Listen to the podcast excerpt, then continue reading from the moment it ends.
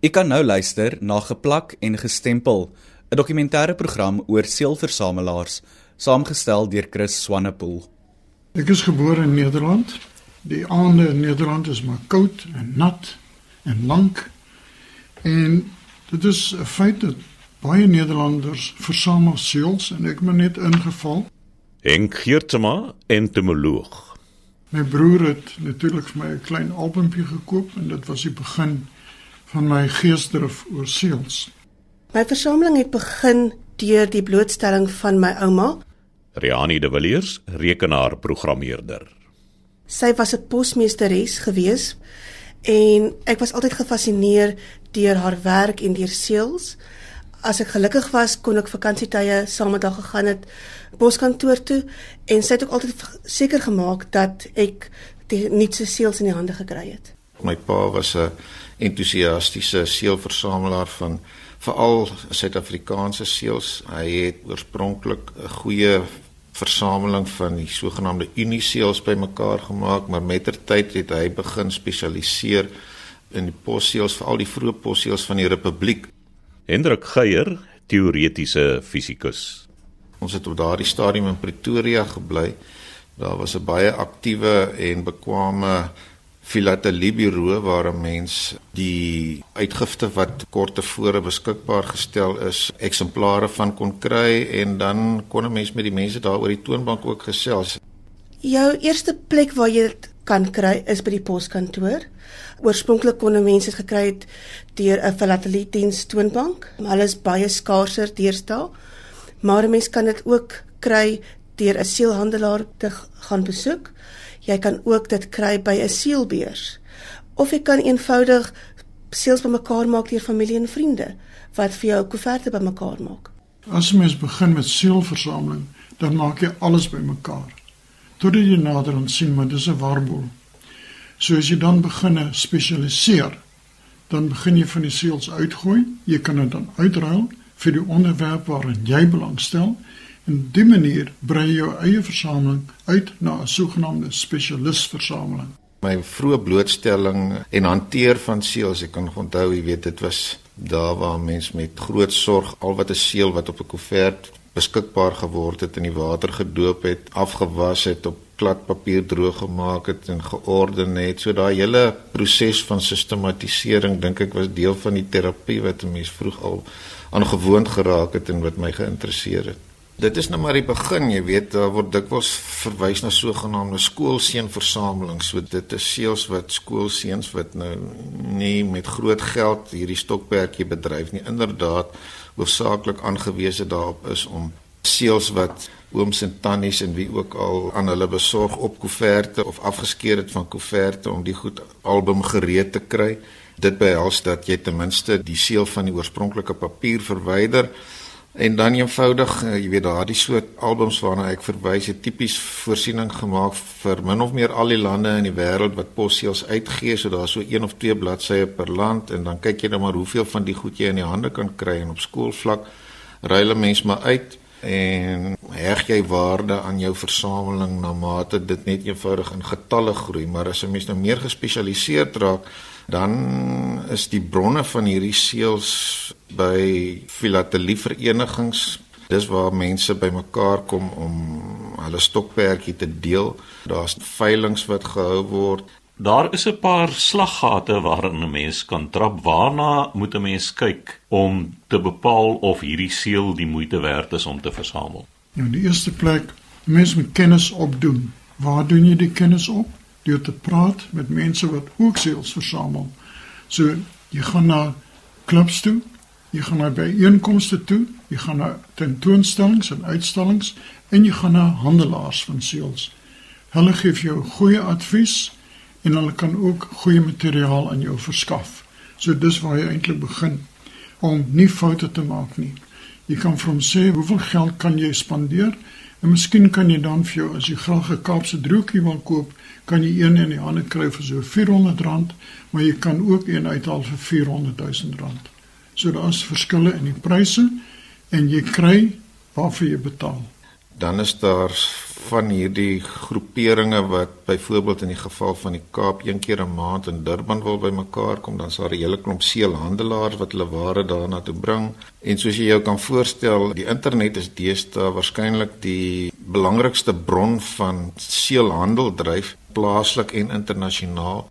Ek maak hoofsaaklik gebruik van die internet, gewoonlik van veiling webwerwe waar ek items koop waarna ek belangstel van die groot veilinghuise laat jou deesdae selfs toe om intyds aan veilings deel te neem.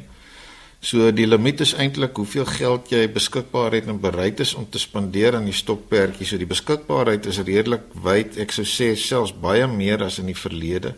Waarna kyk 'n mens om nou te bepaal of 'n seël die moeite werd is om aan te skaf? Normaalweg word 'n seël bepaal deur sy vraag en aanbodwaarde maar 'n mens bepaal dit ook verder deur te kyk na wat jy nodig het vir jou eie versameling waarin jy belangstel. Jy het 'n goeie vergrootglas nodig. Soms as jy gespesialiseerd raak in ultraviolet lamp, kyk ek nou een hierso, jy kan sien die lig is nou aan en as jy dit oor die seël vee, dan kan jy eintlik sien dat daardie seël, kan jy sien ek kom 'n bietjie ligter wit uit en daardie ene bly donker. Kyk na die kop van die seël. Mhm. So die seël het 'n fosforlaagie op wat die ander een nie het nie. Nee, die fosforlaagie word natuurlik gebruik in possortering in die outomatiese posmasjiene. Wat jy ook nodig het, is 'n goeie vergrootglas. Want as jy byvoorbeeld kyk na hierdie seël, kan jy sien daar's 'n klein drukfoutjie op, die bekende wynseël van Suid-Afrika, waar die D ontbreek op die een seël, maar aanwesig is op die ander seël. So die seël is 'n afwyking en daarvoor het jy 'n goeie vergrootglas nodig. Verder het jy 'n sogenaamde perforasiekaart nodig. Want baie seels kom in verskillende tandjies uit. In ander woorde, die gaatjies waar die seels van mekaar afskei, is verskillend. Party van hulle het 14 gaatjies per 2 cm, ander byvoorbeeld 10. En dit maak die seels verskillend. En vir baie mense is dit 'n versamelaarsgebied om te kyk na die perforasie verskilletjies. Dan het 'n mens 'n swart oppervlakte nodig, want baie seels het 'n watermerk. So Chris as jy kan sien, die watermerk is 'n springbok koppie op die ou springbok seeltjie, die half penny ene. Maar nou baie kere sal 'n mens sien dat die springbok koppie is onderste bo of lê sywaarts. En vir die versamelaar is dit weer 'n interessante versamelgebied. So daar's mense wat spesialiseer byvoorbeeld net in die springbok koppie van Suid-Afrika of in die skippie, die een penny, die dromedaris. So dit kan 'n mens doen. En dan wat belangrik is, mense te pinset nodig. Maar dit moenie 'n skerp punt pinset wees nie, want as mense seels optel, moet dit nooit met jou hande optel nie, want daar's altyd olie en vetterigheid in jou hande. So jy tel dit op met 'n spesiale seeltangetjie wat jy weer by die handelaar in die hande kan kry. Dan het jy katalogusse nodig. En daar's 'n hele reeks Jy kan 'n landskatalogus kry, maar jy kan ook 'n onderwerpkatalogus kry. Byvoorbeeld in my geval skoenlappers en motte, daar's 'n redelike hoeveelheid katalogusse beskikbaar. Nou ek het altyd gedog 'n mens moet skoon nuwe seels in die hande probeer kry, maar ek het intussen agtergekom dat die stempel daarop van groot belang kan wees en ook foute wat op die seël mag voorkom. Weet wat dikwels versamelaars interesseer is allerlei afwykings op die standaard posseël wat uitgereik is en dit het dikwels te maak met glipse wat in die vervaardigingsproses plaasgevind het. So my vrou spot altyd en sê in die geval van seels is dit die slegte voorbeelde wat die grootste aandag trek. Dit is heeltemal korrek Party seels is wel meer waardevol as hulle gebruik was of as daar foute op was, maar as 'n seël nie in die algemeen beskikbaar is in sy skoon formaat ongebruik nie, kan hy meer waardevol wees vir jou versameling. Ja, baie kere klink baie snaaks, is 'n afgestempelde seël meer werd as 'n ongestempelde seël. Dan natuurlik as die seël 'n foutjie op het, byvoorbeeld ek het hier 'n voorbeeld van 'n seël van Swaziland. Die seël het 'n oorspronklike prys gehad van 40 sent Weens 'n tekort aan 20 sent seels is daar besluit om die 40 sent uit te blok en te vervang met 'n 20 sent etiket. Maar per ongeluk het daar sekere seels by die drukker uitgekom dieselfde seels wat toe met 15 sent afgedruk is wat nie deur die pos toegelaat was nie. Van die seels het wel in poskantore beland.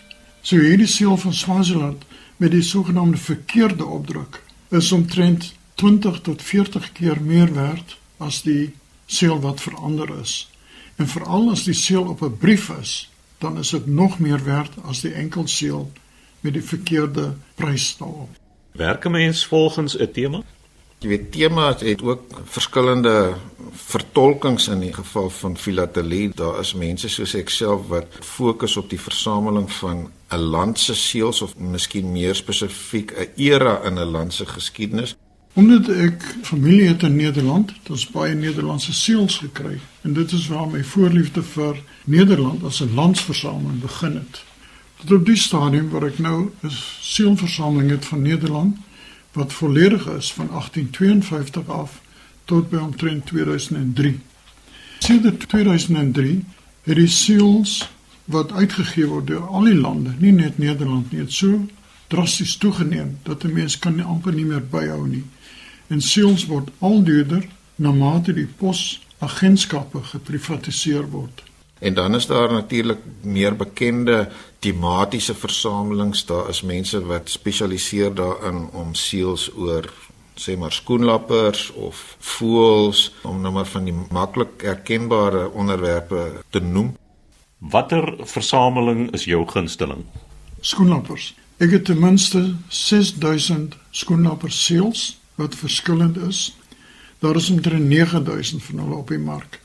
Ek het 'n indeks van al die seels en byvoorbeeld as ek nou aan 'n uitstalling werk en ek soek 'n bepaalde skoenlapper, dan kan ek op my Excel lys kan ek dan baie vinnig uitkom by watter lande het 'n seel van daai skoenlapper uitgegee en dan soek ek die beste seel uit, die mooiste ene wat 'n mooi prentjie vir die publiek gaan gee. En daar is mense wat baie interessante temas vir hulle self uitdink byvoorbeeld die vroeë dae van ruimtevaart is een aspek wat ek al van kennis geneem het en dis meer en dis meer. En die strek natuurlik oor verskillende lande se posseels na mate die stuk geskiedenis beskryf word. Maar in my eie geval het ek mettertyd al hoe meer in die Unie se seels begin belangstel. Dis nou die periode tussen 1910 en 1961 en dit is eintlik ook te ambisieus want 'n mens kan baie vinnig spesialiseer op verskillende aspekte daarvan weet die Uniese seels is gekenmerk daardeur dat daar verskillende sogenaamde vaste reekse van posseels uitgereik is. Die eerste vaste reeks posseels het koning George V se kop opgehad. Elke seël het presies soos elke ander seël gelyk behalwe vir die kleur en vir die waarde van die seël wat jy in die poskantoor moes betaal om om die seël te kry. Daarna het die sogenaamde London Pictorials, dit is landskappe van Suid-Afrika wat eintlik nogal interessant was, 'n vroeë wegbreek van die tradisie van die Britse gemeene bes om nie net die koning of die koningin se kop op die seël te gebruik nie, maar tipiese landskappe of bekende bakens. En daardie eerste reeks was daar byvoorbeeld 'n posseël van die Unie gebou gewees. Daar was 'n posseël van Grote Skuur gewees die bekende embleem wat met Natal geassosieer is van twee swart wildebeeste, 'n uitgespande ossewa, 'n ossewa en 'n span osse wat deur 'n drif trek en 'n toneel wat tafelbaai voorgehou het. So dit was nogal 'n interessante wegbreek destyds gewees en dan was daar die bekende kleiner formasie as van daardie tyd. Die een het 'n springbok kop opgehad, dan was daar die bekende voorstelling van die dromedare skip en dan die Vrystaatse lemoenboompie. Dit was nou die halfpenny, die 1 penny en die 6 penny seels. En daardie ontwerpe het met klein variasies voortbly leef tot hier in die vroeë 50er jare toe daar vir die eerste keer weggebreek is hiervan met die sogenaamde diere reeks seels. Dit was 'n reeks seels wat of die koppe of die volledige diere afgebeeld het van 'n vlakvark en 'n swart wildebees en 'n sebra en 'n luiperd tot by die hoogste waarde was 'n 10 shilling seël gewees waarop 'n swart witpens uitgebeeld is. Dis seëls wat so hier in 1954 bekend gestel is en hierdie tipiese Suid-Afrikaanse tonele vervang het. In die tussentyd was daar natuurlik telke male spesiale uitgifte van seels gewees rondom die inwyding van die Voortrekker Monument. Daar is in baie huishoudings nou nog koeverte van daardie tyd beskikbaar. Die groot trek seels was ook op 'n spesiale koevert en dra stempels van Bill Hook, Danskraal en ander bekende name in die voortrekker geskiedenis. Maar weet as 'n mens nou begin spesialiseer, dan kom jy agter dat na mate verskillende drukprosesse in werking gestel is en fynere veranderinge op die posseels verskyn het, laat dit jou met 'n spektrum van moontlikhede waarop jy kan spesialiseer. Is dit 'n duur stokperdjie? Nie noodwendig nie. 'n Mens kan begin deur dit te versamel deur net vriende en familie te vra om seels bymekaar te maak, veral as jy 'n junior is, 'n kind is wat begin versamel. Maar as jy gaan in 'n meer gespesialiseerde rigting, dan sal 'n mens 'n bietjie meer geld moet uitgee as dit 'n item is wat skaars is en wat jy graag wil hê vir jou versameling. Ek het oorspronklik toe begin het voor die voet versamel. Ek het soos al die ander mense bokse vol seels of 'n seelboek met 'n klomp seels. Ek het later gespesialiseer in tematiese versameling. Die gewone seels wat mense kry elke dag is baie vaal en dit was nie vir my interessant om te versamel nie. Eendag het ek gesien dat 'n mens seels kry met Walt Disney se karakters op, Mickey Mouse en Goofy en Minnie en net daar was ek betrokke gewees by die versameling van Disney seels. Dit is juis die kleurvol aspek van die Disney seels wat my oorspronklik geïnteresseer het. Interessant genoeg, die eerste Disney seel is in 1970 uitgegee deur 'n klein eilandgroep San Marino. Die seels is nie baie skaars nie, maar 'n mens sou dink dat die eerste Disney seel deur Amerika uitgegee sou gewees het. En hulle het eintlik 'n seel uitgegee na Walt Disney se dood. Nou, hoe groot is jou versameling van waar tot waar strek dit? Ek probeer om al die seels wat uitgegee is met die Disney karakters op te versamel, maar ek het intussen tyd gespesialiseer deur 'n uitstalling bymekaar te maak waarin ek die geskiedenis van van Walt Disney vertel en geskiedenis gaan van sy hele lewe van 1901 wat hy gebore is tot met sy dood in 1966. Ek sien jy het ook 'n tweede versameling. Ek het 'n tweede versameling met die titel van The Mystifying and Unexplained. Dit handel oor enige item wat nie 'n verklaarbare antwoord het nie.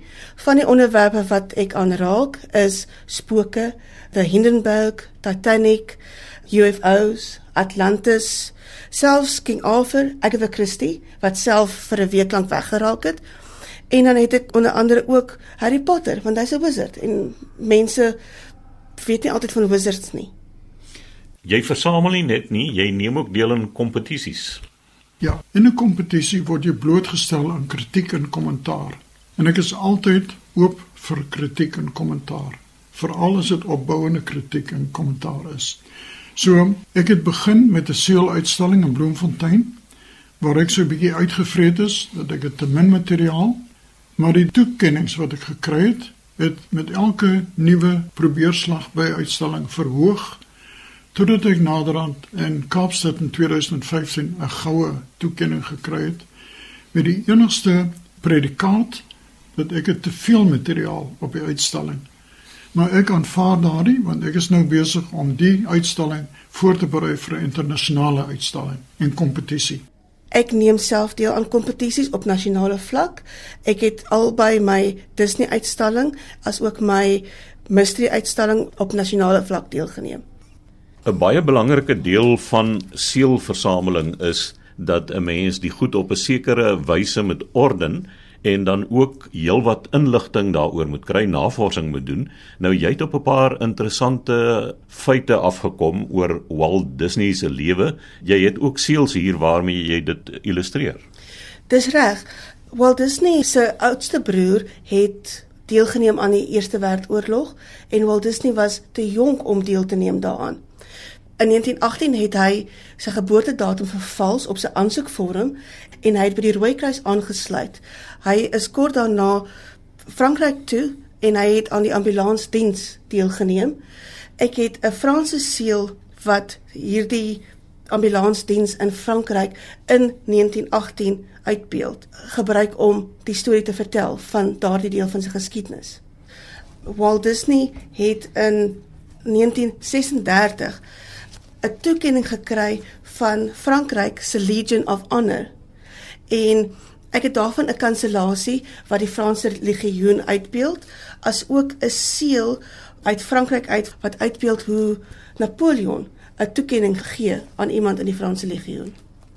'n Laaste interessante feit wat ek nie geweet het nie, is dat volgens die United Press was dat Mickey Mouse 'n rol gespeel het in die inval op D-Day. Die sleutelwoord vir die vergadering net voordat die inval gefinaliseer was, was gewees Mickey Mouse. Die ordening van die seels en die uiteindelike bewaring daarvan, dis nogal 'n belangrike aspek wat 'n mens nie buite rekening moet laat nie. Weerens die handelaar is die persoon om te nader. In die eerste plek kan hulle vir jou goeie posmateriaal verskaf, maar ook albums, bewaarboeke, strokies. Jy weet die ou manier om seels met 'n plakkertjie vas te plak op papier is nie meer geldig nie. Maar 'n mens kry die sogenaamde koevertjies wat so 'n reeks kolommetjies het met deurskanne papier, maar jy kan die seels daarin in laat gly.